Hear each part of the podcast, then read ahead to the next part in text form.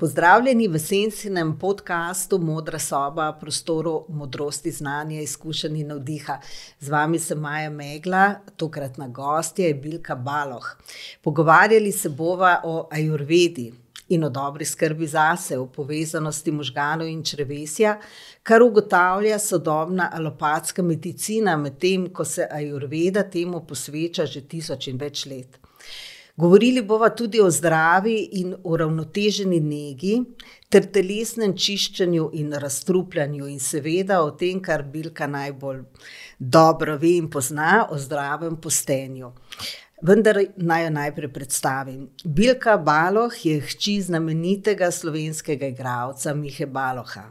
Kot otrok je živela na podeželju na Gorenjskem pri Omici, mamini mami ki je že v sedemdesetih letih delovala po principih permakulture, bila ekološko naravnana in celo izvajala jogo, čeprav je temu sama rekla telovadba.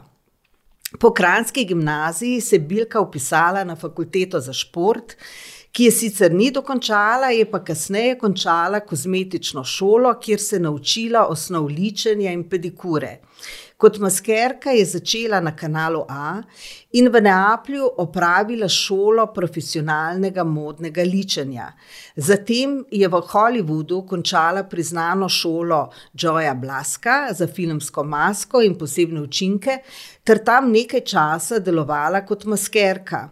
V Sloveniji je bila nekaj časa zaposlena v ljubljanski Drami in nato kot svobodnjakinja delala na različnih projektih. Prva je začela s telesnimi poslikavami, body painting, s katerimi se je seznanila v Parizu. Svoj prvi post je izvedla pri tridesetih letih.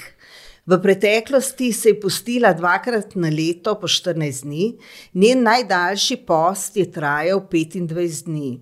Post ji predstavlja popoln reset, ki ni povezan samo s čiščenjem na telesni ravni, temveč tudi na mentalni, duhovni in čustveni ravni. Posvetila se je ajurvedi in začela svetovati o zdravi in uravnoteženi prehrani. Kot navdušena smučarka, bila je namreč celo v reprezentanci akrobatskega smučanja, je smučanje učila najmlajše.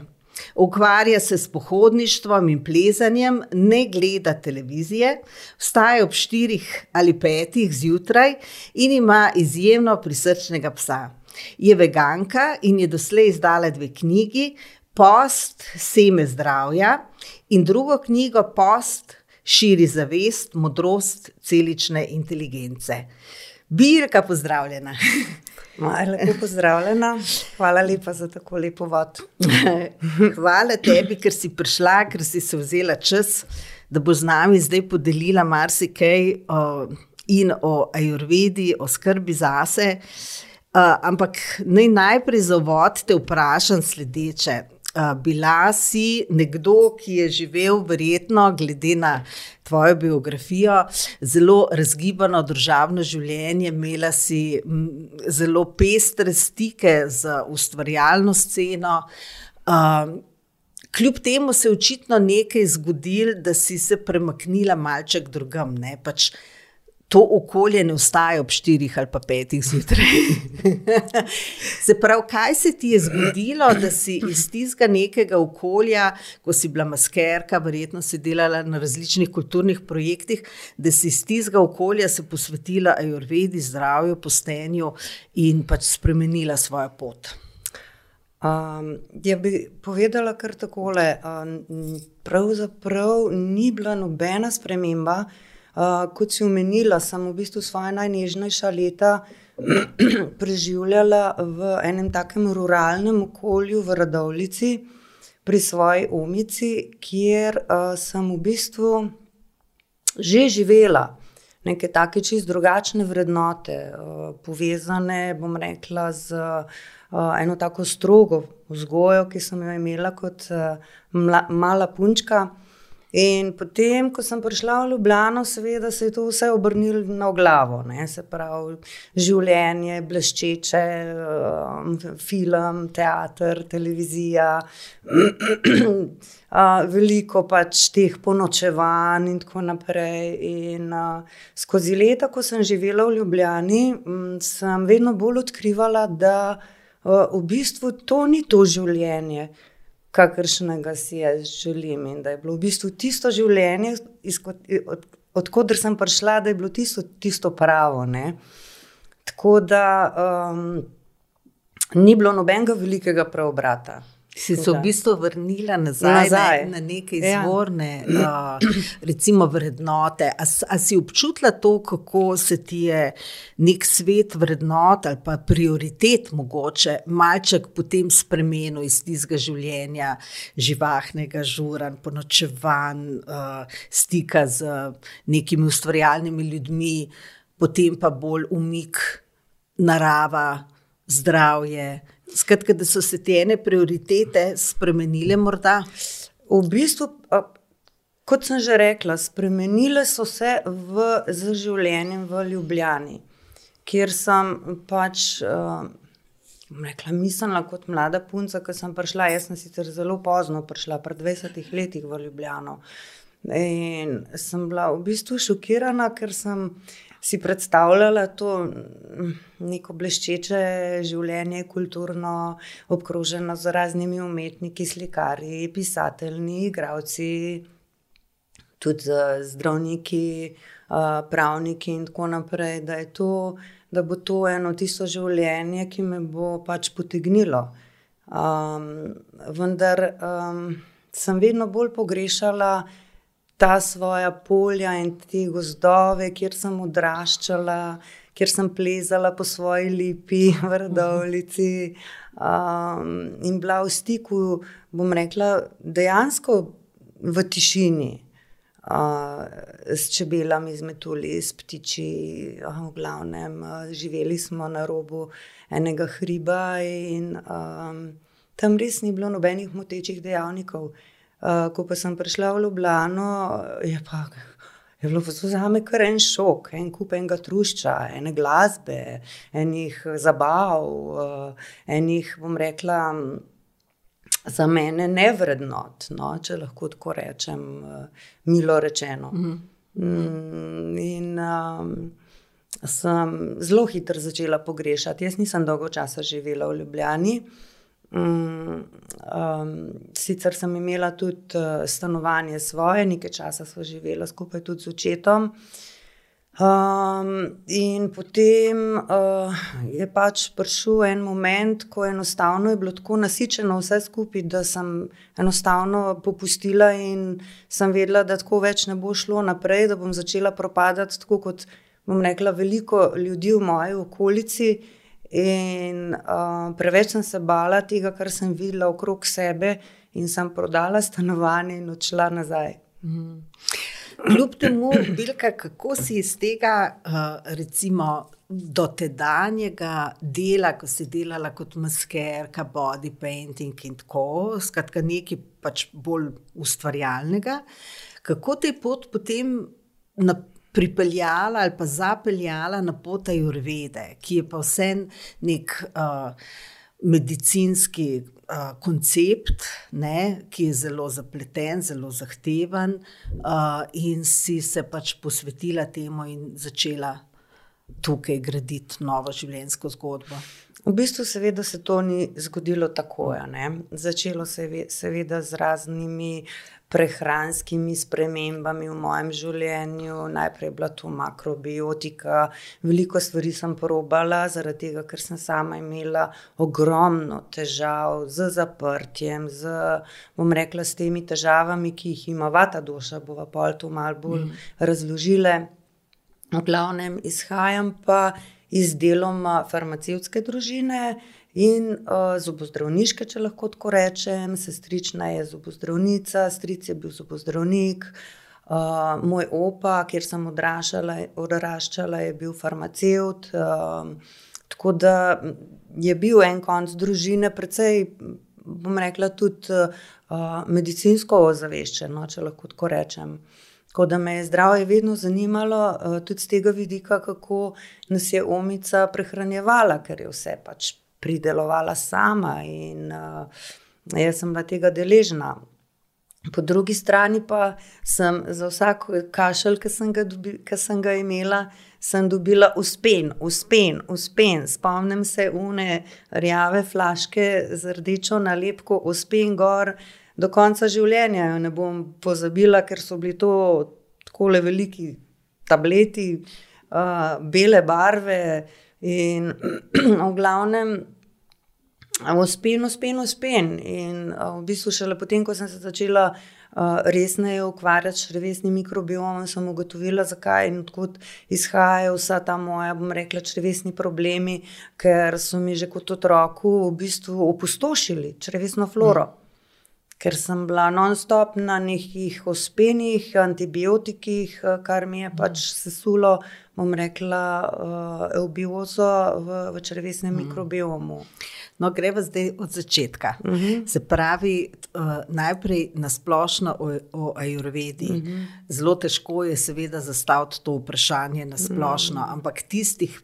Nekaj najbolj bistvenih značilnosti ajurvede, poleg teh treh dož, uh, uh, ki jih pač imamo vsi in ki se vsakmu na specifičen način in v razmerah prepletajo, skozi življenje se spreminjajo, iz dneva v dan se spreminjajo. Uh, se pravi, ima prvo ta korak, da storiva. Ja.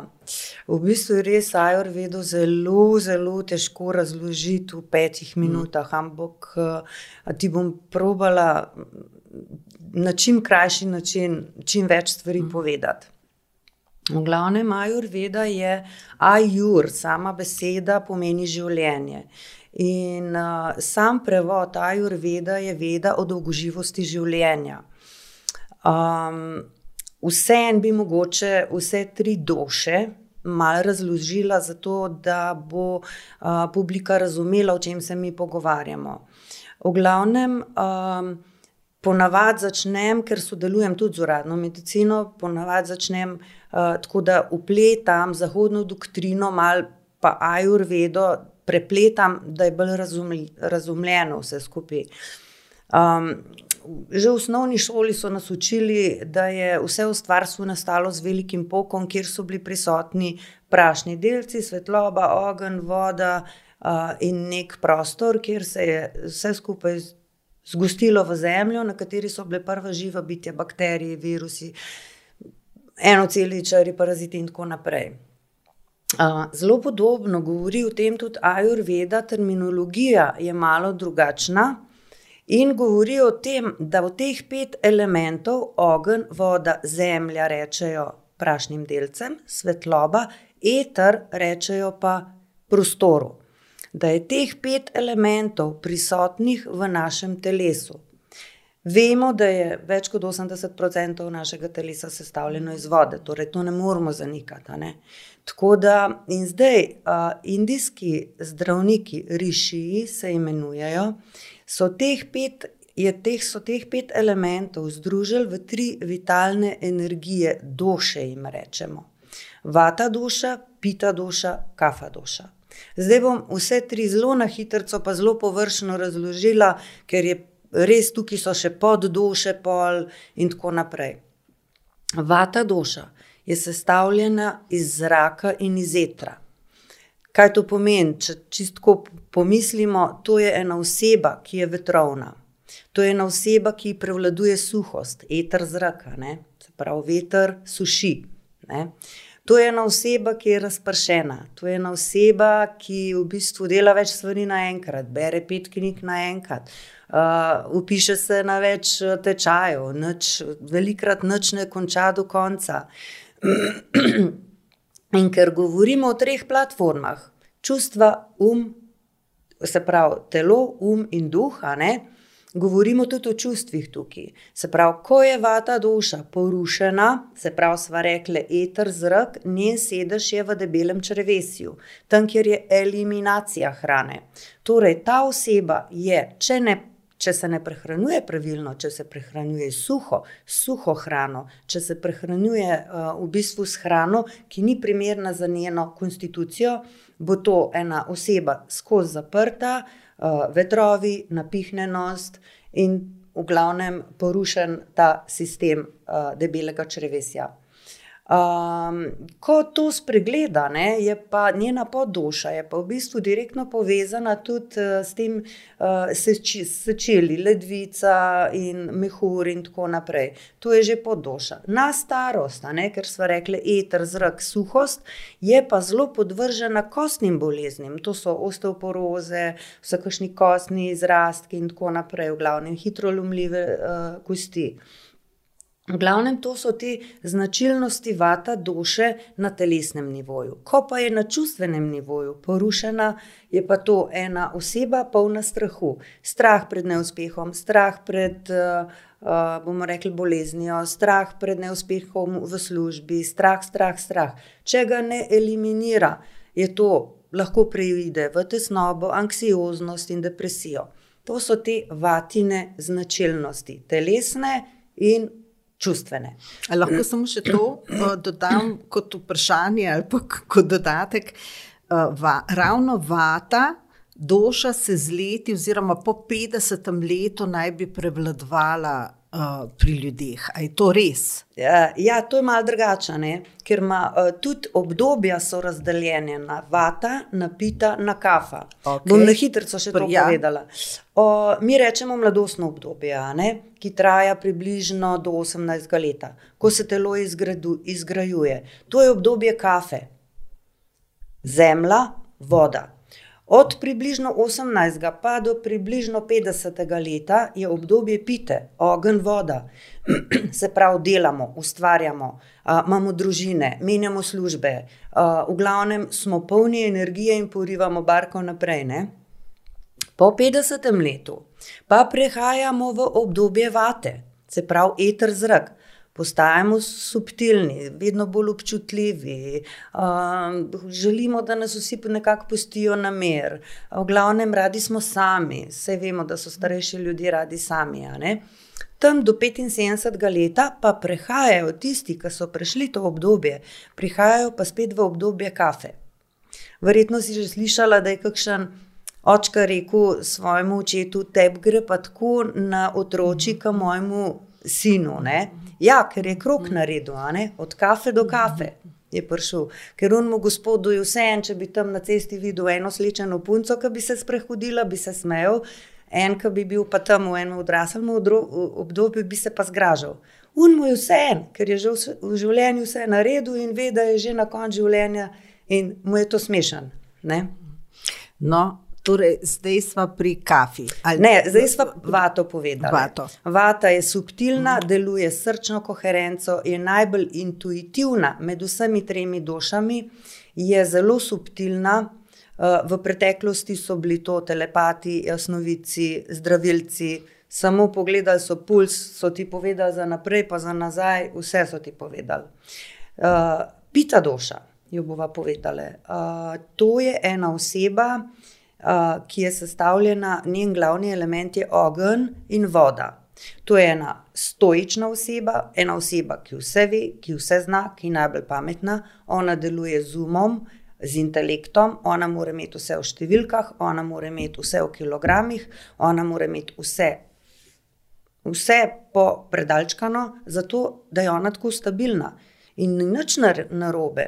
Ona je dob, dober analitik, ona je do, dober uh, gospodarstvenik, ona je dober sodnik, ona je dober policaj, ona je dober učitelj.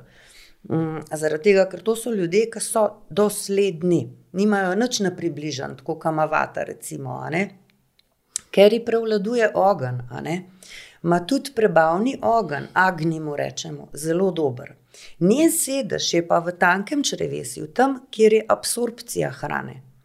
In kadar je pita duša uh, porušena, uh, potem se v bistvu premakne, jaz rečem, en nadstropje više in gre v gastrointestinalni sistem. Tam napade najprej želodec, to pomeni, to so refluksi, to so um, razjede na želodcu, rane na želodcu, to so divertikli, uh, in ker je seveda tukaj tudi vranica in uh, uh, jedra, a ne je direktno povezana tudi s tem dvema organoma. Ko se ama, ama rečemo s trupom, še ne, ne eliminira, oziroma jo ne popucamo, recimo, ven iz teh organov, potem gre, ker je jedra pa vranica se pravi, čistita kri, gre ta, grejo te strupi v kri in je direktno povezana s kožnimi boleznimi. To so psoriaze, dermatitisi, ekcemi, podkožni mozoli in tako naprej. Ko da, ker pa je skozi ona v umu, ima zelo velikokrat tudi migrene, glavobole, v glavnem, to so te, bom rekla, jedra, seveda, so prizadete tudi med prvimi, kar je pa povezano spet z očmi. Se pravi, ljudje, ki imajo beločnice nekoliko bolj rumene, pomeni, da imajo probleme z jetri. vse je zelo povezano v ajurvedi, a ne. Kadar je pa na čustvenem nivoju porušena, je pa to ena agresivna oseba, ena ljubosumna oseba, ti boš meni govoril, ne. To, to je en tak značilen njen odziv. razdražljiva, brca, hupa v prometu, v glavnem, to so te negativne, bom rekla, čustveni odzivi pitadoše. Drugače pa, če povem ene par takih, dominantnih pit, ne, iz preteklosti, so bili recimo Hitler, Stalin, Napoleon, Tito, Putin.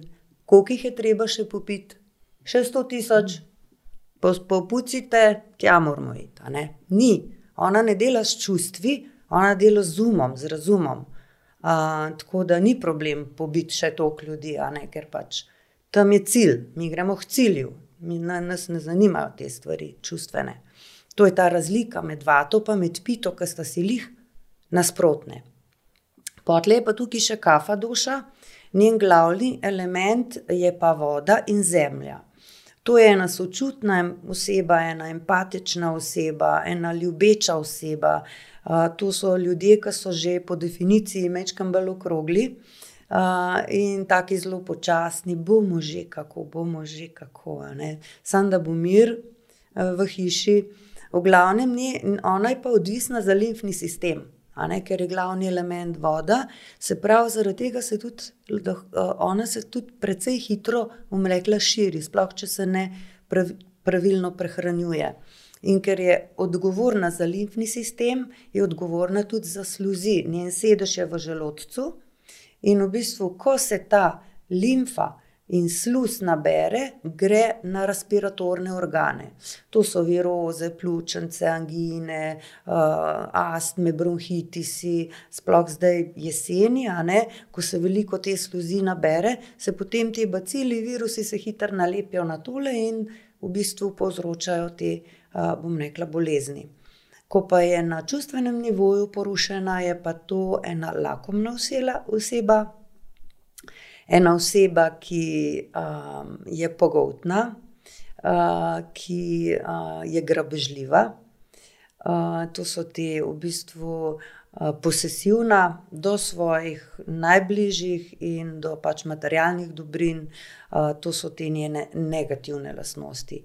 In zdaj, kaj je zanimivo, ne. Vse te tri doše so v vsakem izmed nas. V različnem procentualnem razmerju. Ko se mi rodimo, rečemo na zahodu, da imamo genski zapis. V ajurvedi pa rečemo, da imamo prakriti ali stanje ob rojstvu, čemur lahko rečemo genski zapis. In oni dva tisoč let nazaj niso poznali epigenetike, niso poznali nevroznanosti, ampak so povedali, da je prakriti odvisen, ja, od genskega zapisa, ampak tudi od stanja naših staršev ob spočetju, torej od njihovega življenjskega sloga, od njihovih prehranskih navad in seveda od tega, kako smo bili spočeti. Na hitro, na skrivaj, v ljubezni, v strahu ali že kako. Se pravi, to je prakriti. In če ima nekdo, ljudje so ponavadi ne, ponavadi se v dveh došah ljudje malo bolj najdejo. Enodošni ljudje so takrat oziroma rečemo, da je, uh, dominantna ena duša, kadar je več kot 50-odstotna. Teh ljudi ni veliko. Ponavadi so dvodošni, potem pa obstajajo še tridošni ljudje, ki imajo pa vse tri duše popolnoma enake. Kaj to pomeni? Imenujejo jih satvični ljudje, um, lahko bi rekli razsvetljeni ljudje. No? Uh, te imajo pa vseh pet elementov zelo enako razporejenih in so tudi najbolj imunsko odporni, nimajo problemov z zdravjem. Uh, tako da, kaj je to, to je prakritje. To, kar smo pa prej govorili, uh, je pa porušeno. In je pa, če bi bil prakriti skozi celo življenje enak, recimo, dava primer, vata 30, pita 40, kafa 20. In da imaš ti, recimo, tako došno razmerje skozi celo življenje enako, potem je tvoje telo v ravnotežju. Mi ne govorimo o bolezni, ampak govorimo o neravnovesju, pa o ravnovesju. Ravnovesje je zdravje, neravnovesje je bolezen. In če, če bi bilo tvo, tvoje dušno razmerje skozi celo življenje enako, potem ti ne bi nikoli v življenju zbolela. Zdaj pa zaradi zunanjih dejavnikov, kaj so zunanji dejavniki? Uh, v prvi vrsti stres, uh, nerešeni konflikti v ožjem uh, družinskem krogu. To so prav čustva. Čustva, Eh, seveda, nepravilna prehrana in nepravilen življenjski slog poruši prakriti in temu porušenemu stanju rečemo pa vikriti. In kaj delamo v Ajurvedi, oziroma terapi, kaj je terapija? Da probamo vikriti čim bolj približati do prakritija, da je naše telo v homeostazi, v ravnovesju. Evo, tako imamo vprašanje, Bilka. Se pravi, da je cilj, da se vsak, ker ima vsak od nas uh, ta vikriti drugačen, ne? pač to razmerje med temi dušami, to, uh mhm. -huh. ta, ta, ta začetni štart, ne, drugačen. To se pravi, da je cilj, da vsakega se pripelje na tisto ravnotežje, ki ga on izvorno ima. Tako, na prakriti. Se pravi, ni neke uravnilovke nečesa, kar je dobro za, za, za vse. Ne. Ne. In vedno zdravimo, recimo, um, vikriti, torej porušeno stanje. Uh, najlažje in najboljše razberemo iz uh, pulza, ki ga zmerimo tako, vata, pita, kafa, ne, spet je v bistvu vse je na te tri duše. In iz pulznega utripa se razbere, katera duša je najbolj porušena. In kaj delamo? Najprej zdravimo tisto dušo, ki je najbolj porušena. Če je najbolj porušena pita, potem zdravimo pita dušo. Če, če je najbolj porušena vata, potem najprej debelo črevesje zdravimo. Vedno zdravimo najprej tisto dušo, ki je najbolj porušena. Če je tukaj gor ogromno sluzi, mora, se pravi, moramo najprej to porihtati, bronhitis, jasme in tako naprej. Vedno zdravimo najprej tisto dušo in pa, ki jo pozdravimo, pa gremo drugo zdraviti. Zaradi tega je včasih zelo zagonetno, kam mi pravijo ljudje. Ja, prejšnji mesec sem pa lahko prosojedla, zdaj ga pa ne smem več jesti. Ja, zato, ker zdaj smo to pozdravili, zdaj gremo pa naprej, zdaj bom, boš pa drugo stvar jedla, zato da bomo drugo dušo, bom rekla, uravnotežili. Ker si umenila ta puls, ne, merjenje pulza. Uh, jaz sem bila en, uh, enkrat v Indiji pri ajurvedskem zdravniku, ki je bil že takrat imel on ima, ne vem, 80, 85 let, umrl je star tam skoraj 100 let, izjemno, izjemno cenjen. Uh, uh, Tudi na redu je zgradil je svojo, svojo jurvedsko kliniko, v kateri uh, njegovi potomci, se pravi, hčerke in hčer, od hčerke možovi, pač potomci, zdravniki, zdaj zdravijo. Tako da jaz sem imela priliko samo enkrat izkusiti njega kot terapeuta. In ko je on meril ta puls, mi je začel pripovedovati do otroštva, nazaj, do otroštva, kaj. Je moje telo se preživelo, se pravi, kje hude stresne postaje sem imela. To je bilo tako, kot da bi bil pri jasnovicu, ki bi ti mm. uh, govoril. Mislim, še danes mi je to fascinantno, kako je ta zga mogoče. Mislim. Uh, je mogoče. Je mogoče. Jaz, seveda, nisem še um, tako daleč prišla. Uh, znam pomeriti uh, puls, da vidim, katera duša je najbolj porušena. Uh, tudi lahko razberem prakriti, um, kaj več od tega pa nisem še usposobljena. Je pa tako, da na tej poti ti dobiš, uh, ko se izobražuješ, uh, ti dobiš, bom rekla, svojega mentorja. In običajno so to taki ljudje, kot si ga ti srečala. Uh, te ljudje imajo ogromno izkušenj in te ljudje črpajo tudi znanje iz knjig, ki niso nam, ki smo na poti, bom rekla, vidaje, se pravi, zdravnika. Mi, mi imamo, jaz sem tam eno knjigo prenesla, ki je samo ena, jih imam pa 15 za predelati, takih debelih. Če hočem pač priti do naziva zdravnik, ki traja tako, kot pri nas medicina, šest let. Uh, in tam, to tudi tam noter ni zapisano, ne? to ti preda, oni rečejo guru, mm. Je, mi pa pri nas pa rečemo mentora. Ne? In ob, običajno so te mentori, guruji, uh, so uh, ljudje, ki dejansko so pred, tudi oni dobili znanje že od svojih gurujev in to se prenaša iz roda v rod. In noben ti ne bo povedal um, v prvem letu ali pa v drugem letu, kako se to pravilno izmeri.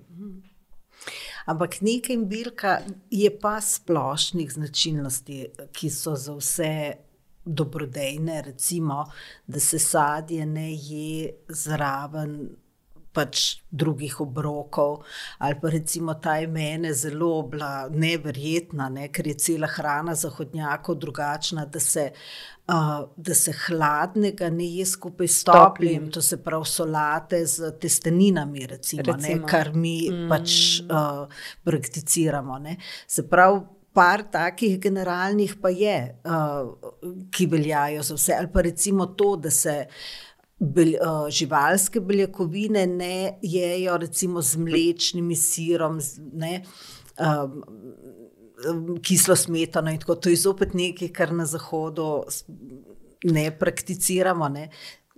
Skratka, nekih takih splošnih, ki velja za vse, pa je. Um, najprej bi rada to povedala, da ajurvedska kuhinja je zdravilna kuhinja.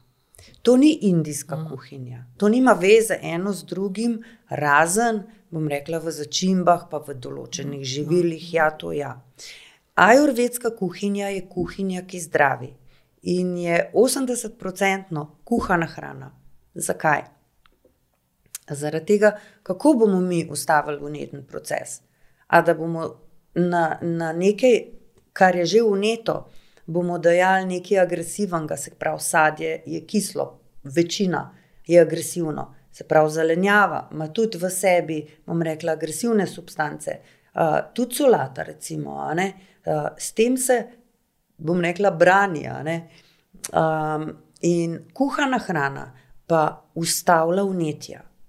In 80% ajurvedske kuhinje je kuhane kuhinje, je, je kuharija zato da se vnetje, bom rekla, utiša, da se ga pozdravi. Um, kar se pa tiče tega, kar si pa rekla, ja, so pa določene zakonitosti, ki so drugačne kot na Zahodu, in uh, se pač spoštujejo in funkcionirajo. Se pravi, se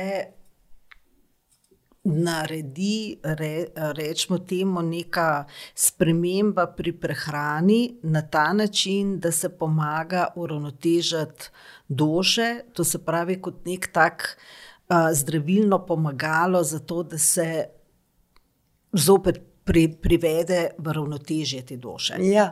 Je tako? Ja, seveda, okay. seveda. In mene velikokrat ljudje sprašujejo, ja, pa pa nikoli več nam smela jesti, ne vem, uh, tenstanga krompirja.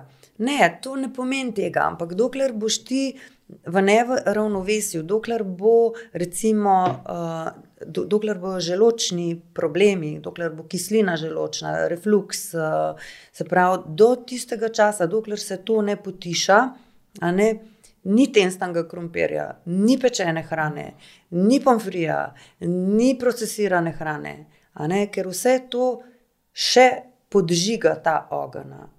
Tako da um, je pa tako, kar sem prepovedala. Uh, ajurvedska kuhinja je zdravilna kuhinja in če mi želimo. Ajurveda, veda o dolgoživosti življenja, če hočemo zdravo preživeti svoje stare dni, pa se je smiselno držati pač teh pravil, ki jih Ajurveda daje kot napotke za zdravo življenje. Mi smo razvajeni na Zahodu, mi živimo v nekem hedonizmu. Ne? To, Ajurveda to ni. Ajurveda je skromnost, je um, pač. Uh, Tudi točno je določeno, kdaj se je, koliko se je. Uh, jaz zdaj, ki pač študiram naprej, jaz imam samo o vodi, kdaj se jo pije, koliko se jo pije, kakšno se pije. Se pije prekuhano, se pije toplo, se pije mrzlo in kdaj se pije mrzlo in kdo lahko pije mrzlo. In mislim, to je cela znanost, samo okrog vode.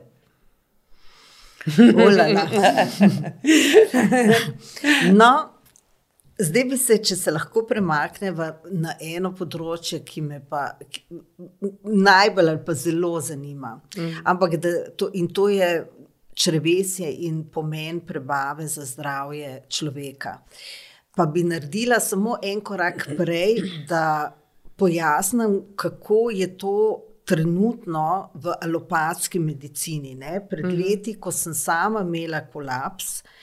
In sem imela različne diagnoze za njega, od fibromialgije do porušenega ravnotežja v homeostaze v možganjih, do uh, izgorelosti, do depresije, uh, uh, tudi tone. In, in potem sem začela brskati, kako se naj, sploh, sploh kaj mi je. Ne? Glede na to, da je pač uh, ni diagnoze uh, še vse diagnoze so na mizi, ne? se pravi, že tukaj se vidi, da je nekaj nejasnega ali pa čudnega. Kukorkoli, ko sem se zakopala v to uh, raziskovanje, kako se naj pomagam, sem prišla v, v, v, na, na straneh teh največjih univerz, uglednih od Harvarda, klinike imajo, Yale, Stanford in tako naprej, pač teh uglednih ameriških klinik, do tega, kako je črvesje povezano z možgani. In tukaj se je začela ta zgodba. Uh, ne samo to, da v črvesju nasta, nastaja glavnina imunskega sistema, to se pravi, če je tam karkoli, ne vem, prerast slabih bakterij, vnetje ali karkoli, že to pomeni, da nam cel imunski ošibi in smo čao, ne? pač kolapsnemo ob prvi pojoči travici, ki je uh, za nas uh, slaba. Druga, ki je pa najbolj mi zastrigla, seveda, pozornost je pa ta, da v črvesju nastaja glavnina serotonina. In kot kažejo pač raziskave, to, kar zdaj navajam, sem našla na uh, Univerzi Harvard, ki je pač najbolj cenjena, to niso neke bla bla bla. Uh, New Age koncepti. Ne? Se pravi, v črvesju nastaja glavnina serotonina. Serotonin je pa padec serotonina, je pa ta, ki je najbolj ključen za depresivna stanja padec serotonina, tudi dopamina, ampak predvsem ta serotonin, ta hormon oziroma del zadovoljstva. Sreče in veselje in zadovoljstva. In 80% nastane tega v črvesju, se pravi, dva razloga stane. Mm. Uh, še vedno se za tiste, ki so ali zbolijo ali pa so depresivni, premalo pozornosti, vsaj pri nas, ni to še del uradnih protokolov. Se pravi, uradni protokol, nekdo kdo je pač resno, ne vem, v neki depresivni fazi, da se preveri to črvesje, to še ni sestavni del protokolov. Mm. Je pa neko znanje o tem že prisotno in saj si ljudje lahko nekako sami potem pomagajo. Kot sem videla, Ajurveda to prakticira že od nekdaj. Zdaj me pa zanima, če lahko pojasniš, kako je pa to v Ajurvedi, kakšen je ta pomen tega vsega prebavnega sistema. Ja, bom spet malo spojila zahodno doktrino in Ajurvedo. Um, mi govorimo o mikrobiomu. Mikrobiom je sistem sluzi, ki se razprostira od ust do zadnjika. Nimamo mikrobiom samo v črevesju, oziroma v tankem, debelem črevesju, imamo ga mikrobiom tudi v želodcu, imamo ga skozi sapnik, imamo ga v ustih. To lahko je, samo ja. za zanimivost, ker sem jih tole nabrskala, ja. ker si rekel, da je mikrobiom. Pač, uh, naj bi bilo E, enako število teh bakterij, virusov, gliv, kot je, kot je celic, in sicer med 30 in 50 milijardami. Uh mhm. -huh. Kakšna nora številka, 50 milijard, ne samo celic, ki jih imamo v telesu, ampak 50 milijard enot nekih virusov, gliv in vsega tega. Evo. A veš, koliko je kil to, če to no, pogledaš? No, no ja. veliko, ampak tudi to, da je tega le sveta v nas, na koži in v notranjosti, tega nekega živega sveta, v bistvu polovica tega drugega, ki naj bi bil ta del celic, ki sestavlja naš, naše telo. Mislim, to je fascinantno. Je, je. To, no. so, to, to so zdaj pred kratkim v bistvu. Um, Bom kar z mikrobiomom začela. No. Uh, mikrobiom, uradna alopatska medicina, v bistvu uh, um, tretira organe, tiste, ki so oživčeni. Se pravi, srce, jedra, ledvica uh, in tako naprej.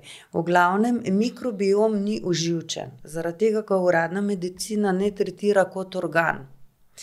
Um, če me vprašaš, je to najbolj pomemben organ v našem telesu. Mislim, dober, poleg srca, pustimo zdaj, ampak tako za zdravje, za imunski sistem, o tem, kar smo zdaj le govorili. Zakaj? Uh, ker se v njem, v tem sistemu sluzi, se nahajajo bakterije. In um, te male, ta mala bitja, nimajo glave, nog, rok, nimajo živčeva, nimajo noč, ampak one točno vejo, ki se bojo naselile. Helikobakter pylor ne boš nikoli najdla v nosu,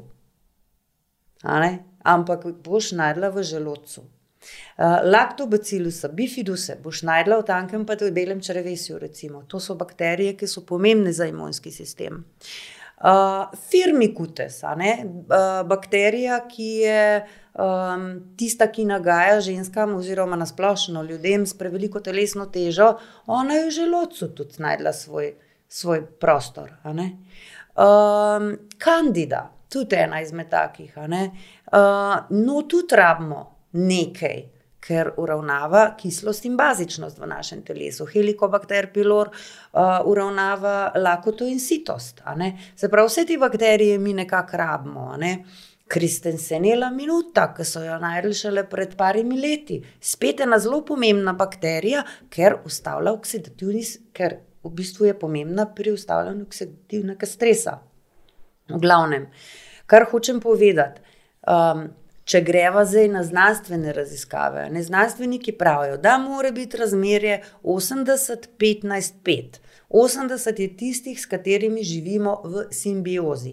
Imamo jih v laseh, imamo jih za nohti, imamo jih na koži, za, v brveh, pač nekje na našem telesu so. Te, s temi živimo v simbiozi.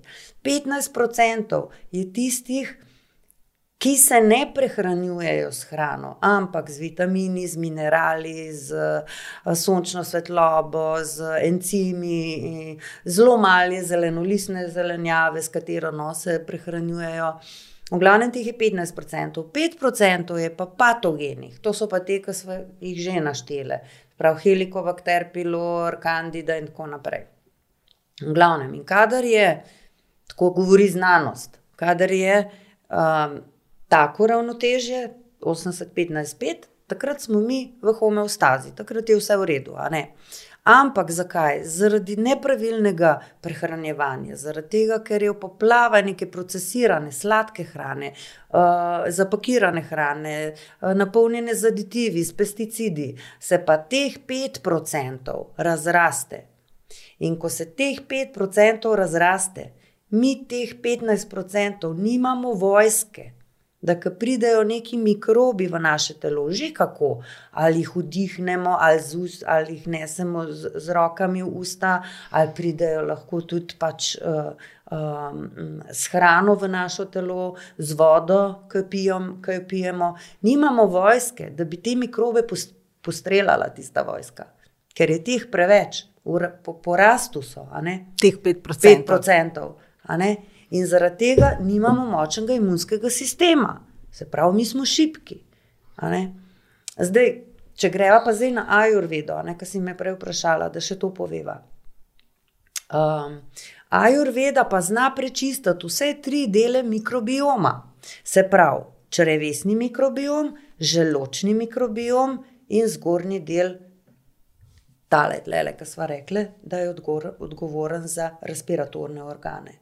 In v tem je ta čar, bom rekla, uh, te panča karme, če jo lahko zdaj prvič omenjam, ker zna prečistiti kafa došo, kot so prej rekli, pita došo, ki je pač tukaj le tanko črevo in želodec, in debelo črevo, uh, oziroma vata došo. Se pravi, in ko mi to prečistimo s temi pač čistilnimi zelišči, z določenimi protokoli, potem imamo mi prečiščen kaj? Celoten mikrobiom. Tega zahodna doktrina ne zna narediti. Mi, mi že s klistirjem ali pa bomo rekli s kolon hidroterapijo lahko prečistimo debelo črevo do tankega črevesja. Do tam lahko, ja. Ampak tankega črvesja pa, ne, pa ne, uh, um, zahodna doktrina ne zna prečistiti. Ajurveda ga pa zna, zvirižano, se reče postopku. Kaj to je?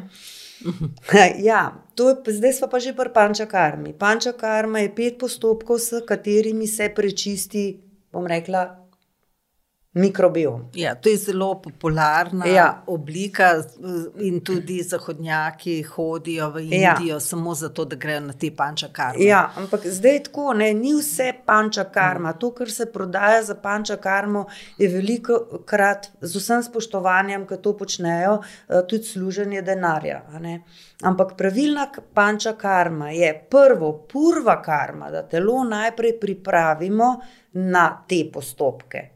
To so svedana, pa snehana, to so v bistvu uh, oljenje telesa in znojenje. Zaradi tega, da se najprej telo prečisti, da se prebavni ogenj, da se ga agni, da se ga aktivira. To traja najprej, to je prva karma, se temu reče. To, v... Različno, to Aha. je od človeka do človeka različno. Kot določi, bom rekla, ajurvedski zdravnik.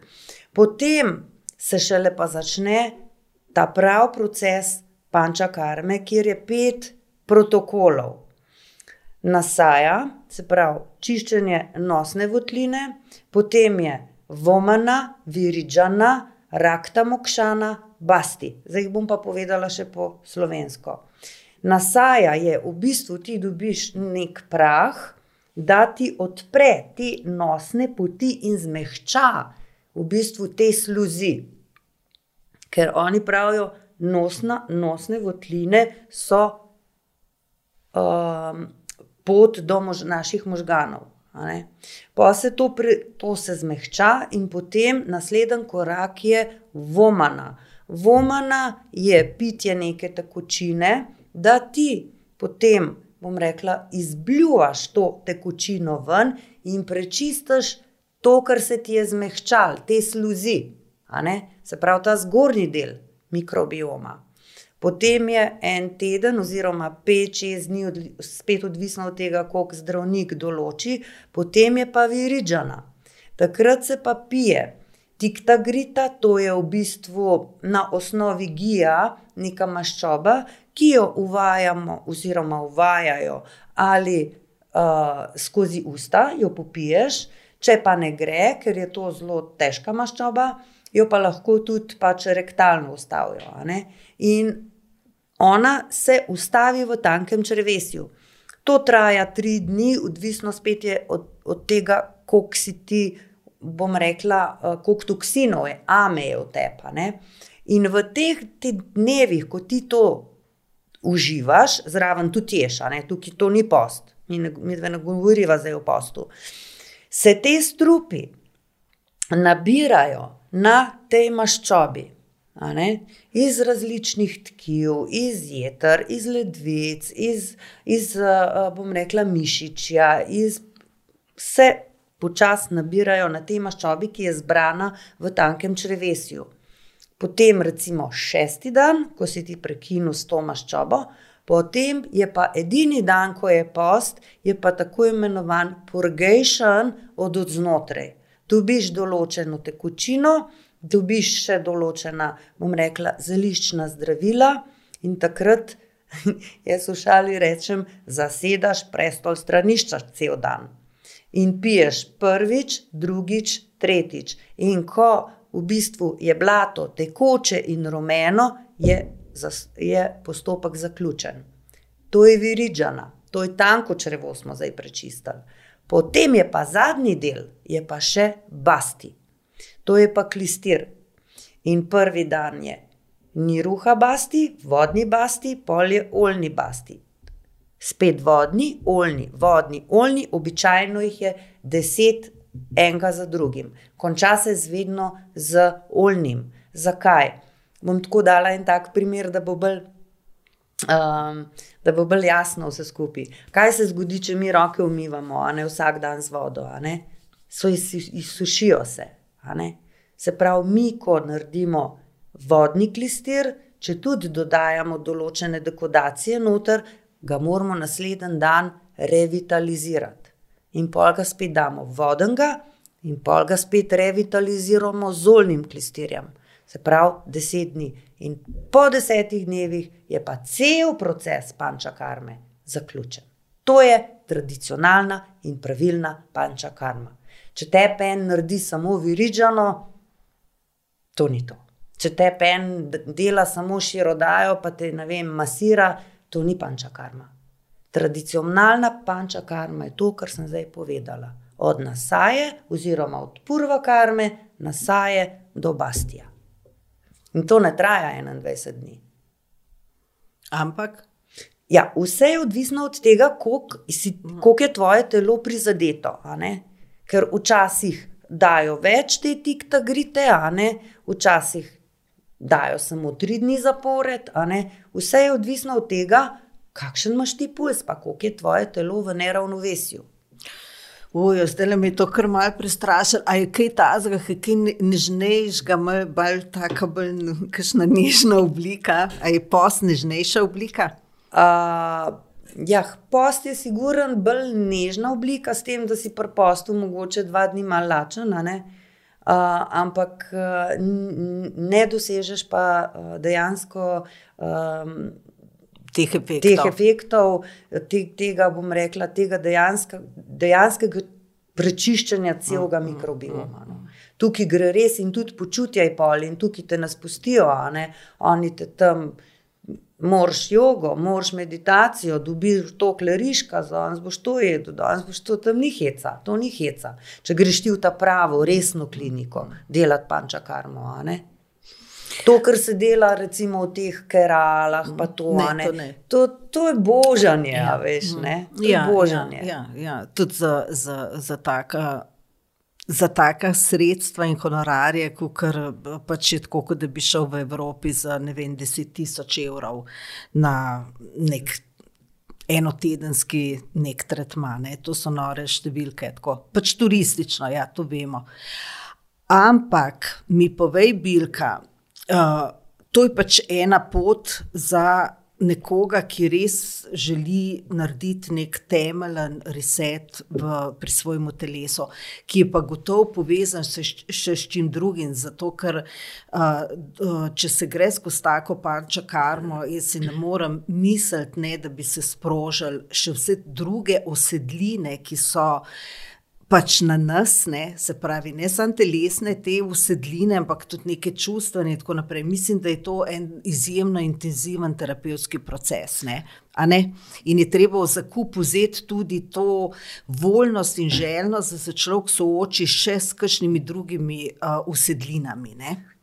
Je, čustvenimi. Čustvenimi, predvsem. se predvsem z vozlički vozili, hujšimi, manjšimi. Ne, Blokadami, ja. tukaj gre tudi, seveda, uh, se odpirajo rane, stare, uh, pride do izbruhov, joka, jeze.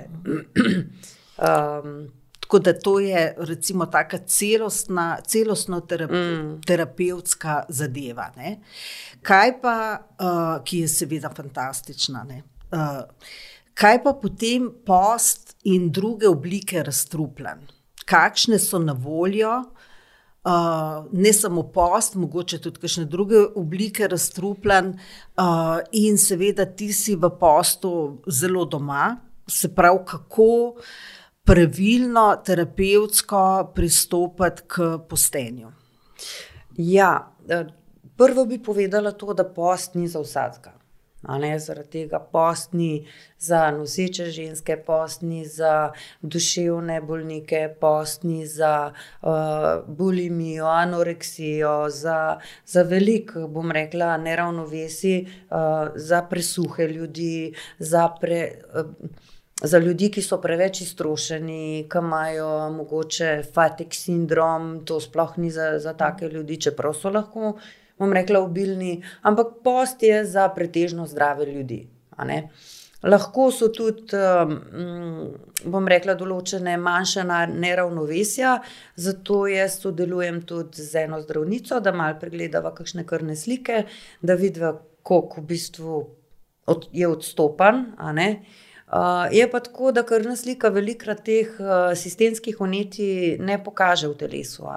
Tako da mi dve ponavadi um, uh, zdravila, če so recimo, da imam primer Eutirok, zaščitenco, to, kar ima že skoraj vsaka druga danes, uh, dava vedno na pol na postu, pa pa vidimo, ne, kako se to razvija. Um, tako da um, post je. Um, tudi v bistvu ena tako lepa oblika uh, čiščenja telesa, ki je manj invazivna.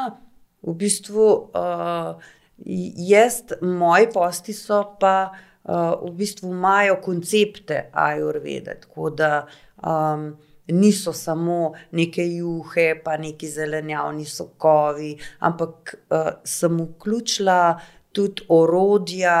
Um, bom rekla, same nege telesa, um, klistiri se delajo drugače um, pri mojih postenjih. Uh, tako da so pač ti moji varovanci, jaz jim rečem varovanci, ne rečem stranke ali pa klienti, ki mi ni to lepo. Ampak da so varni, zato da smo tudi vsakodnevno v stiku z njimi, da jim znam povedati, da vidim, kakšni so obloge na jeziku, da jim znam povedati, zakaj so odtisi pardon, odtisi zob.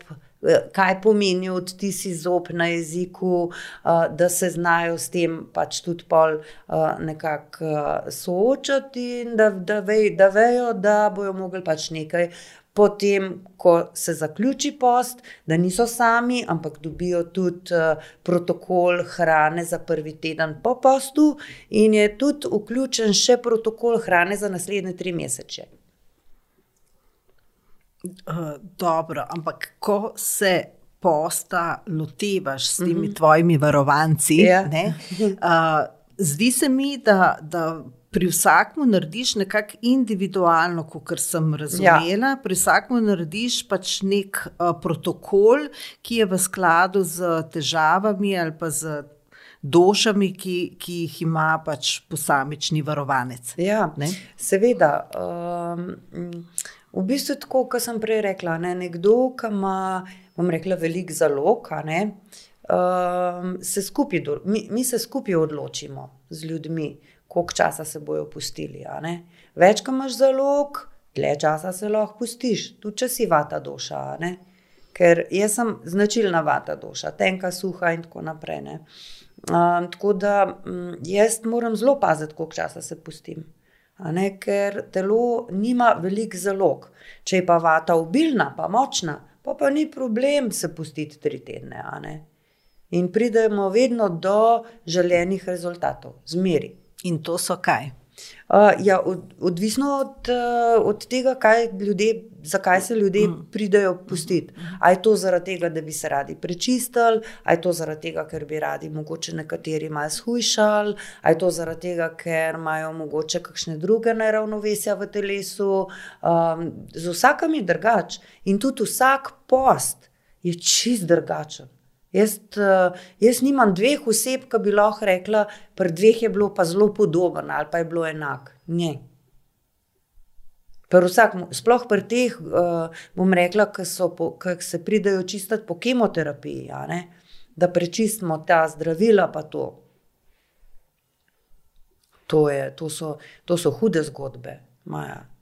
To ni, to, to ni samo, gremo se malo prečistiti, pa malo pustiti ko se enkrat začne ta kemoterapija cediti ven iz telesa, to, to niso prijetne stvari. Ja, so pa pač uh, dolgoročno blagodejne. Ja. Uh, kaj pa ta post, si umenila za hujšanje? Ali uh -huh. ni tako, da se po postu pridobijo kile nazaj, da vedno telo odreagira, da se vrne nazaj na staro stanje? Dve kile. Ti, če, si, če, če se ti uh, pustiš zaradi tega, da boš izgubila, ne vem, recimo, zdaj pri eno šest kil, recimo. Uh, boš ti izgubila šest kil, dve kile boš po postu dobila takoj nazaj. Če se boš prehranjevala, po, glede na protokol, ki ti ga bom jaz napisala, ki je primeren za tebe, pol boš lahko mogoče celo še kakšno kilo šla pol dol. Če boš pa nazaj šla na svojo hrano, ki ni primerna, procesirana, gluten, mlek in tako naprej, pa boš pa seveda zelo hitro pošla nazaj na isto kilažo, kot si bila prej. In je v bistvu škoda časa, narja in tvojih, bom rekla, moči za to, da si en post sploh šla delati. Mhm. A lahko to le še eno pod vprašanje, ki me zdaj le malček, uh, seveda, zintrigira. Uh, a ni glavni vir tega uh, debeljenja, ne? poleg teh, recimo, da so težave s ščitnico ali karkoli, ampak tega nekega prenajedanja, neki čustveni razlogi. Recimo, uh, ali pa če, če drugače pojasnim. Nedavno sem gledala na TED-u, to je pač ena platforma. Uh, na kateri so strokovnjaki iz različnih, kako bi rekli, iz različnih strok, 20 minut odpredavajo na neko temo. In bila je ena predavateljica, ki je ravno v tem hujšanju uh, pač predavala, o tem, koliko v življenju se je ona podala v ta hujšanja. In vedno potem se čez čas vrnila na staro, ne? dokler se ni lotila čustvenih vozlov, zakaj nekdo je, zakaj nekdo greclja. Ne? Mm. Uh, to, da se zgubi telesno težo, da se nekaj uravnava samo na telesnem, ne bo pripeljal do nekih dolgoročnih rezultatov. Do dolgoročnih pripelje takrat, ko se na čustveni ravni. No, kako se pa do tega, kako se s temi stvarmi spoprimaš, ja. oziroma ne ti, ta tvoj ja. varovanec. Ja, pri meni je tako. Um, vsi pač so seznanjeni s tem, da se bodo mogli spo začeti spogledovati z meditacijo in z jogo. Ker to so tri temelji, kot smo prej rekli. Ajurveda je hrana, dietetika, yoga, meditacija pa podpira um in duh, čustva in duh. Tako da um, brez tega, nažalost, ne gre, ker uh, so že pred šestimi leti znanstveniki ugotovili, da meditacija je ena taka podpora pri umirjanju uma. Ne, in se, se, seveda, se je potrebno, bom rekla, s temi čustvenimi, uh, če lahko rečemo, temu problemi, problemi tudi soočiti. In Ajurveda zelo enostavno o tem pove. Spustiti jih je treba v eter, oni rečejo prostoru v eter. Če jih držiš vse, imaš blokade, prana ne teče. Ne? Tako da tukaj je fajn najti tudi nekoga, ki se mogoče uh, ukvarja s temi, uh, bom rekla, energijskimi um, potencijali v našem telesu. To se pravi, je to samo ena kako bi rekla, en nivo, ena faza, da se na, na ravni telesnega postori lahko zelo učinkovito neko hujšanje. Ja, to je posten- ajurveda? Tudi s postenjem. Uh -huh. Ampak vse je treba potem pa zagrabiti tudi kakšne čustvene zavozlanosti zaradi različnih razlogov, ki pač povzročajo to, da mi tako, kako bi rekla, kompulzivno, ne, tako mm. kot da pravi, eh, pač kompulzivci počnemo nekaj, kar je v bistvu šk- škodljivo. Ne. Ja. V, v bistvu tako, ajurveda pravi, mi moramo najprej, če lahko tako No. rečem, popucati prvi naš krok. a ne. To so oče, mama, se pravi, pa so stari starši. To je tudi In- v Jurvedi. Ja, ja, so, ja, ja. a, Tudi te. Poleg, poleg tega je tukaj vključena še kri- kristaloterapija, poleg tega je tukaj vključena tudi barva, barve.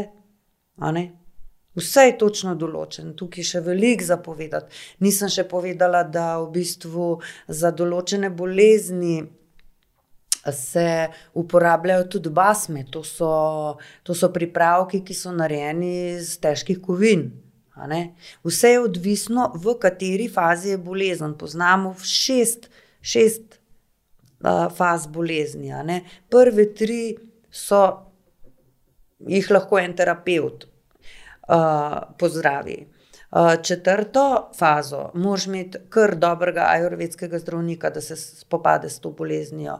Peta, šesta, moraš imeti pa, morata pa res sodelovati zdravnik in pacijent, da bo prišlo do resnične ozdravitve. Kjer je pa v četrti in kjer v peti fazi? Um, v bistvu je tako, prva, druga faza sta lahko, ob, bom rekla, um, obv, obv, obvladljivi. Um, tretja faza je že kar precej tako, da bom, boš mogla zelo veliko narediti na, bom rekla, na prehrani, se prečistiti in tako naprej. Um, je še vedno obvladljivo. Četrta faza je pa že tako. Pomeni, da če, če greva zdaj iz zahodne doktrine, uh, toksemija, se pravi, se so strupi že ame, so se že nekje začeli kupičati. In ko se nekje začnejo kupičati, to pa je že, če rečemo po zahodnjaško, bolezensko stanje. Dokler je samo toksemija prisotna v telesu, dokler so toksini, ame, jim rečemo, dokler so prisotni in jih mi izločamo z urinom, z nojem, z uh, blatom, z, uh, skozi jezik preko noči, uh, dokler jih mi izločamo, to še ni tako hudo. Ne? Hudo je takrat, dokler jih, ko jih mi več ne izločamo iz telesa. Ko začnejo, ko one pridejo v krvni ob- obtok in ko še nič ne naredimo, ne, se pa pomeni, da one najdejo, se pravi, te toksini, te toksini najdejo najšibkejši člen v našem telesu ali predhodno traumatiziran organ, recimo, da so to jedra, a ne, in pol tam se pa začnejo kupičati. To pa je že, to je pa že velik alarm. Kako pa Bilka Ajurveda tretira psihosomatiko oziroma to povezanost med nekim čustvenim, psihičnim dogajanjem v človeku, pa telesnimi simptomi ali pa celo nekimi bolezenskimi stanji. Kako se s temi stvarmi spoprijema? Pač? Mm -hmm. Recimo, jeza, nekdo, ki ima ogromno nakopičene jeze mm. in ki jo ni izčistil, ki je ni pozdravil, kaj mu bo porušila in uh, sesula, ali pa nekdo, ki je uh, potopljen, recimo v blazen sram, ker se mu je karkoli zgodil, ne? recimo mm. traumatiziran in je potopljen v sram, ali pa uh, nemoč, naprimer, mm. to je rušilno, rušilno čustvo, če smo v njemu permanentno, kar pripelje v depresijo. Recimo, mm. Kako pa je urveda s tem? Ja, za te čustvene zadeve je vedno in samo meditacija in pogovor. Vse je tudi na zahodu isto. a ne. Psihoterapija, pa zdaj se zelo veliko govori pač o dihalnih vajah, o sproščanju in tako naprej. Uh, to ni nič drugega kot prevzeto, pač že od, od nazaj. S tem, da tukaj je meditacija ima zelo velik pomen. Ko mi v bistvu te um, ko pripeljemo um do tega stanja, da ga spustimo lahko do valovanja srca. Ne. Takrat mi dejansko uh, uh, se vzpostavi samo zdravljenje telesa. To je znanstveno dokazano, v tem je, uh, zaradi tega je zdaj meditacijo na Zahodu imenujejo kot biofotonsko prehranjevanje.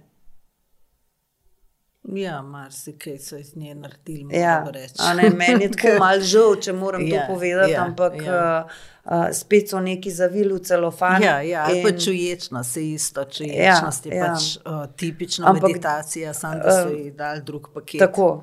Tako. Mislim, drugo ime, ime. pa to zapakirali, ker če ne eno rečeš, boš meditiral, jih bo splašil, da bojo ne vem kaj mogli delati. Mm. Če pa rečeš, zdaj bomo pa čuječi, se pa to zdi nekaj čustvenega, nekaj tazga čutečega. Ne? Mm. V bistvu je to najbolj elementarna oblika meditacije, čuječnost. Pa seveda pravilno meditirati.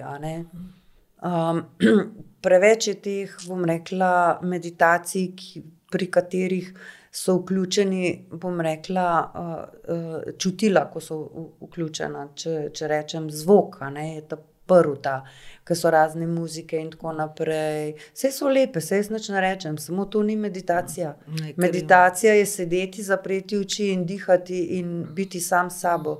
In um, pač poslušati svoj vdih in izdih.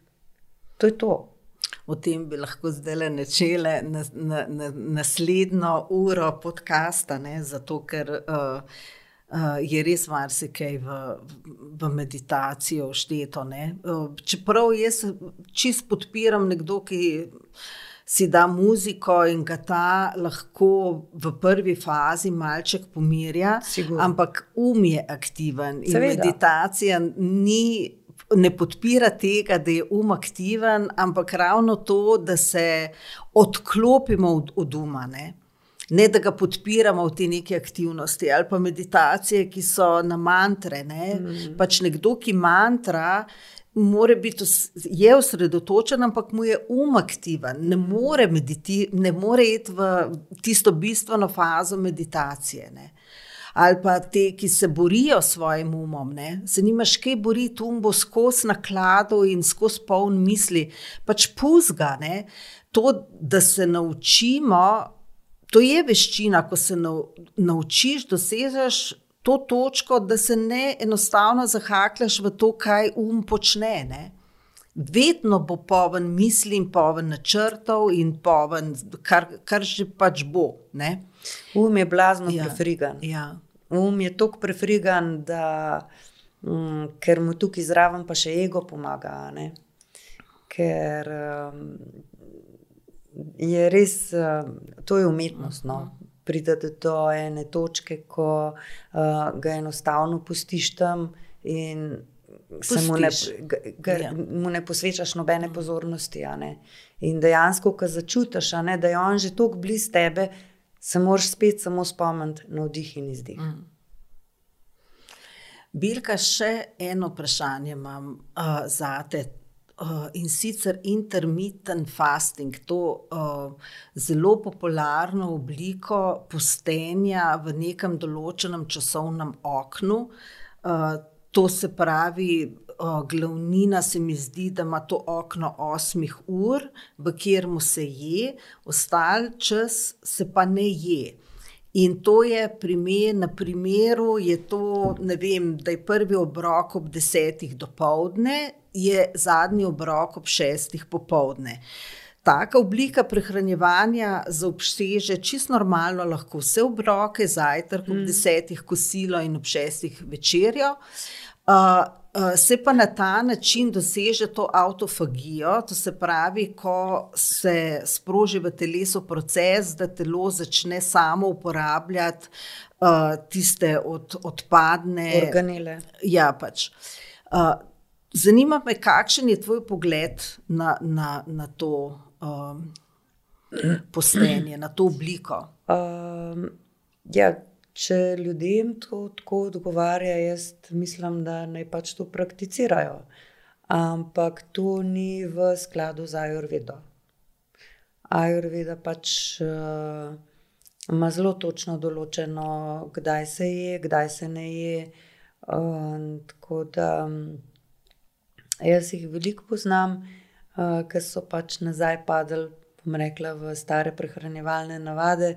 In to je ta jojo efekt, ki potem še bolj pridobiš na težje. Ker takrat pa lahko jemo v unih osmih urah in takrat pojejo še več, kot je potrebno. Tako da ne vem. Um, če je pa to prvi obrok ob desetih, pa zadnji ob šestih, pol je pa to že skoraj tako, kot bom rekla, par ur razlike, kar Ajurveda govori. No, Se pravi, prvi obrok naj bi bil tam uh, okrog osmih zjutraj, potem glavni obrok, ko je sonce najvišje, um, ko je obdobje pite, ko je tudi prebavni ogenj, agni najbolj močen, in zadnji obrok naj bi bil najkasneje ob šestih zvečer, uh, ko v bistvu telo naše ugaša, in tudi naj bi bili obroki takrat bolj, bom rekla, lahki. Kaj pa ta avtofagija, ima ta koncept tudi Ajurveda? Ne, nima ga. Ne, Ajurveda ima pač, bom rekla, res tako tradicionalno uh, um, gledanje na, na celo prehransko shemo. Da, um, je pa siguren, obstaja, se ta japonski znanstvenik, celični biolog, mikrobiolog, mislim, da je bil, je 2016. leta dobil celo Nobelovo nagrado za to, če se nam motamo. Tako da dejansko um, pač to dela. Ne? Um, zdaj, um, mogoče je to za zahodnega človeka um, malo bolj sprejemljivo, kot pa neki, uh, ko si moraš dejansko hrano pripravljati uh, bolj redno, pa na vsake par ur, recimo, uh, kar je mogoče tudi mečkam bolj zdravo. Birka lahko bi. Um dala kakšne take ljudem, kakšne take generalne nasvete. Ne?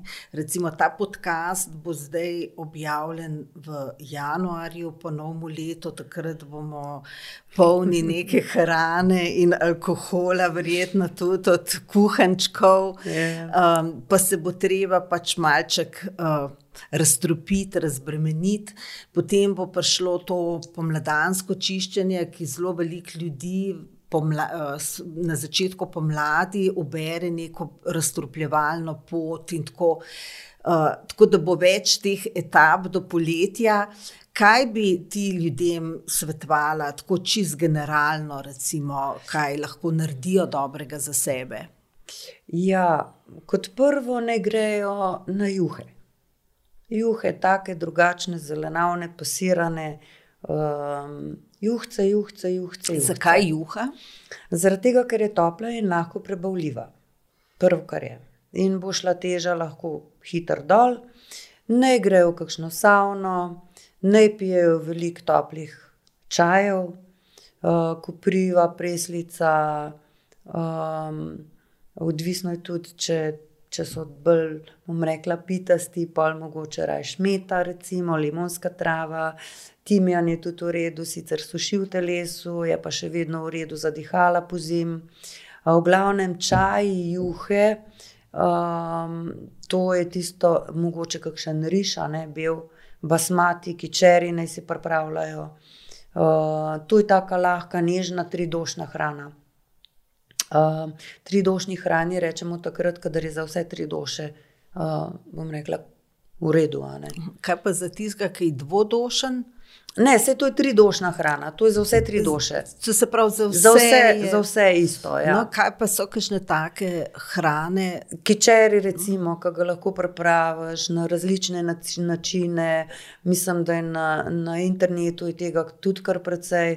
Drugač pa, kdo hoče takrat se res razstrupiti, je pa dejansko potrebno pač se preklopiti na juhe. No. Na juhe. Se pravi, in za kosilo, in za večer. Juha, juha, juha, dokler ne gre uno, uno, uno, uno, uno um, voda zastrupljena, ker najprej se limfa. Ne? Uh, na teh praznikih uh, se, se toksini grejo najprej v limfo. Ne, ne grejo najprej v maščobno celico, ampak grejo najprej v limfo. Dokler sta limfa ne gre nazaj, lepo juhce, juhce, juhce. En teden je lahko vsak na, juhc, na juhcah, pa na rižu, basmatiju, uh, naj si ga pripravi na različne načine, doda malo gija, um, kakšno soparjeno zelenjavo, um, kakšno zeleno lečo, recimo zraven, stročnica more biti, a ne. Mm, čim manj mesa, ne, če ga je bilo že toliko za, nov, za novo leto, ga pol en teden ne boš pogrešal, toliko, da se telo malo revitalizira nazaj. Ti si veganka? Uh, jaz, ne, jaz ne morem reči, da sem veganka, jaz uporabljam gi, ker je zelo pomemben, um, sploh pri določenih. Um, vehil, vozilo, mm. gi je vozilo za določene začimbe. Sploh za kurkumo je zelo pomemben, pa tudi za ingver je zelo pomemben. ne. Da prepele, v bistvu najprej se iz kurkume, bom rekla, mm, uh, sprosti kurkumin, ki ustavlja vnetne procese, in pol ga gi prepele do tja, kjer more aktivirati, oziroma kjer more začeti zdraviti. Tako da eno vozilo je recimo gi, eno vozilo je med, eno vozilo je navadna vr- vroča voda, tako različni so. Tako da, ja, jaz uporabljam gi, tako da ne morem reči, da sem veganka. Okay, kaj pa pol, ki so ti tvoje juhce, juhce, juhce, juhce? Ja. Ja. Kaj pa, ko pride do teh napadov, ne vem, lakote ali pa uh, potrebe po sladkorju, ali pa recimo potrebe po nekem tako močnem okusu. Ne? Uh -huh. um, kako naj takrat se nafintiramo? Uh, Vse se ni treba nič nafi- nafintirati. Jaz pravim tako. Vsi delamo prekrške in takrat narediti prekršek zavestno. Zdaj bom pa eno, ne vem, en krožnik špagetov pojedla. Ampak jih pa spet ni treba, ne vem, deset dni, sej ne rabiš vsak dan špagetov. ne. Mi delamo probleme v tem, jaz mislim vseeno, da ne vem, poješ špagete, ne, in pa se že, bom rekla, obtožuješ, jaz sem pojedla špagete, ja, zdaj, zdaj pa jaz sem vse podrla, in pol drug dan spet narediš spet prekršek, in pa se ti prekrški kar vrstijo. Ne, rečeš, danes bom špagete, si jih bom prvo šila, pa jih pa ne bom, ne vem, deset dni. Recimo. Vsem, takrat, ko pride do teh napadov, kako, mm -hmm. kako, kaj ti svetuješ ljudem, recimo, kako naj. A veš, ko pride do teh na, napadov, uh, Sladkorij. Ja, recimo, ja, po sladkem, ali pa napad neki usta, dati karkoli, ali pa recimo, jaz imam včasih tudi nek močen okus. Ne. Jaz mm -hmm. sem tudi vegetarijanka mm -hmm. in imam včasih prav nek močen okus, nekaj tazga, bo, tako se mi zdi, da mi bo, ne vem, nek monolit postavil sem. Uh, mogoče je to psihično, lahko je pa neka potreba telesa po kakšni snovi, ampak prav ta nek, nekaj močnega, nek močen okus rabim. Uh, pač. In to je prav Je- tako, napad. Prvoš si. Si, si, Ja. sam to se tudi pozna. Ja, pa si pa ne. ja, pa si pa Ja, ne. ja, jaz ja, si zaradi ja, tega, ja. jaz si raven zaradi tega, jaz pač kupujem tudi kdaj pa kdaj, bom rekla, zdrave sladkarije. Uh -huh. Ampak si jih zdaj ne kupujem več in lepo žlico meda, ki me zagrab, žlico meda in to je to. Pa tudi ni vsak med meta, ne, da samo tole na hitro povemo. Ne. Lipov med, smrekov med, gozdni med, uh, cvetlični med, to niso isti mediji. In en ti lahko naredi zelo veliko težo v želodcu, recimo, sploh ti težki medi so gozdni med, eh, smrekov ali kakšni so že cvetlični lipov, to so pa lahki, bolj lahki mediji. a ne. Jaz imam kar eh, oreške doma, pa žlico meda in to je to. Uh -huh. Ker če ne bi se raven tako pregrešila. Nismo hecni ljudje. Sem se spomnila te dni, ko sem bila uh, študentka. Uh, to smo jih s prijateljem se, se pogovarjali. Sem mi rekla, tako sem bila študentka, 20 let sem imela in nič koliko krat je bila ura sedem zvečer, ko sem se spomnila, da sem pozabila jesti. kako bi zdaj bila srečna, da bi pozabila jesti. Tako, kako se spremenimo, čist cel ustroj, vse potrebe naše. Uh. Aš kaj jaz mislim, da je to tudi ta tempo življenja naredil, ker ljudje zjutraj vstanejo. Jaz mislim, da ni veliko ljudi, ki mogoče še tri minute poleži v posli, pa pomisli pa vdihne ne parkrat, ampak že hop, v mhm. kopalnico, umivati, to, tu, tu, ali že so, v, bom rekla, v enem hitenju, ne? in pa že šola, ne vem, aktivnosti, služba, kje si bo kdo še skuhal, veš, mhm. mislim, se ni časa. Ne? In mislim, da je ta tempo življenja to tudi naredil, da nimamo v bistvu časa za sebe. Mm -hmm.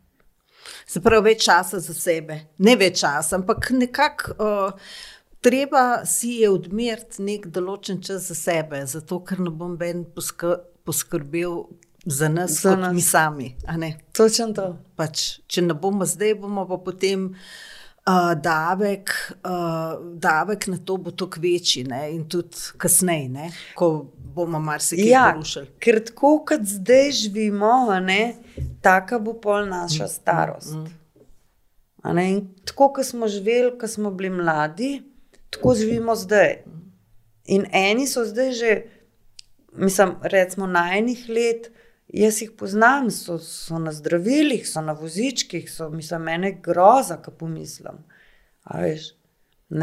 In tako, ki boš zdaj, od zdaj naprej, tako boš, ne vem, čez 20 mhm. let, veš, kaj še zmeri lahko tako fit, kot si zdaj. Bilka, hvala ti, same župce, župce, župce bojo zdaj le padale.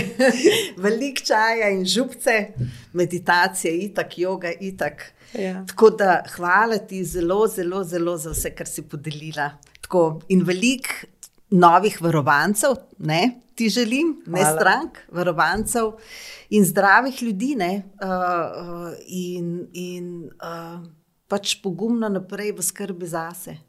Ja, hvala za povabilo in tudi uh, za tvojo pripravljenost. Uh, vidim, da si, si zelo dobro vse naštudirala in uh, si me res tako lepe stvari spraševala. Oh, oh, to je pa lepo slišati. Ja, hvala, hvala, Bilka, hvala.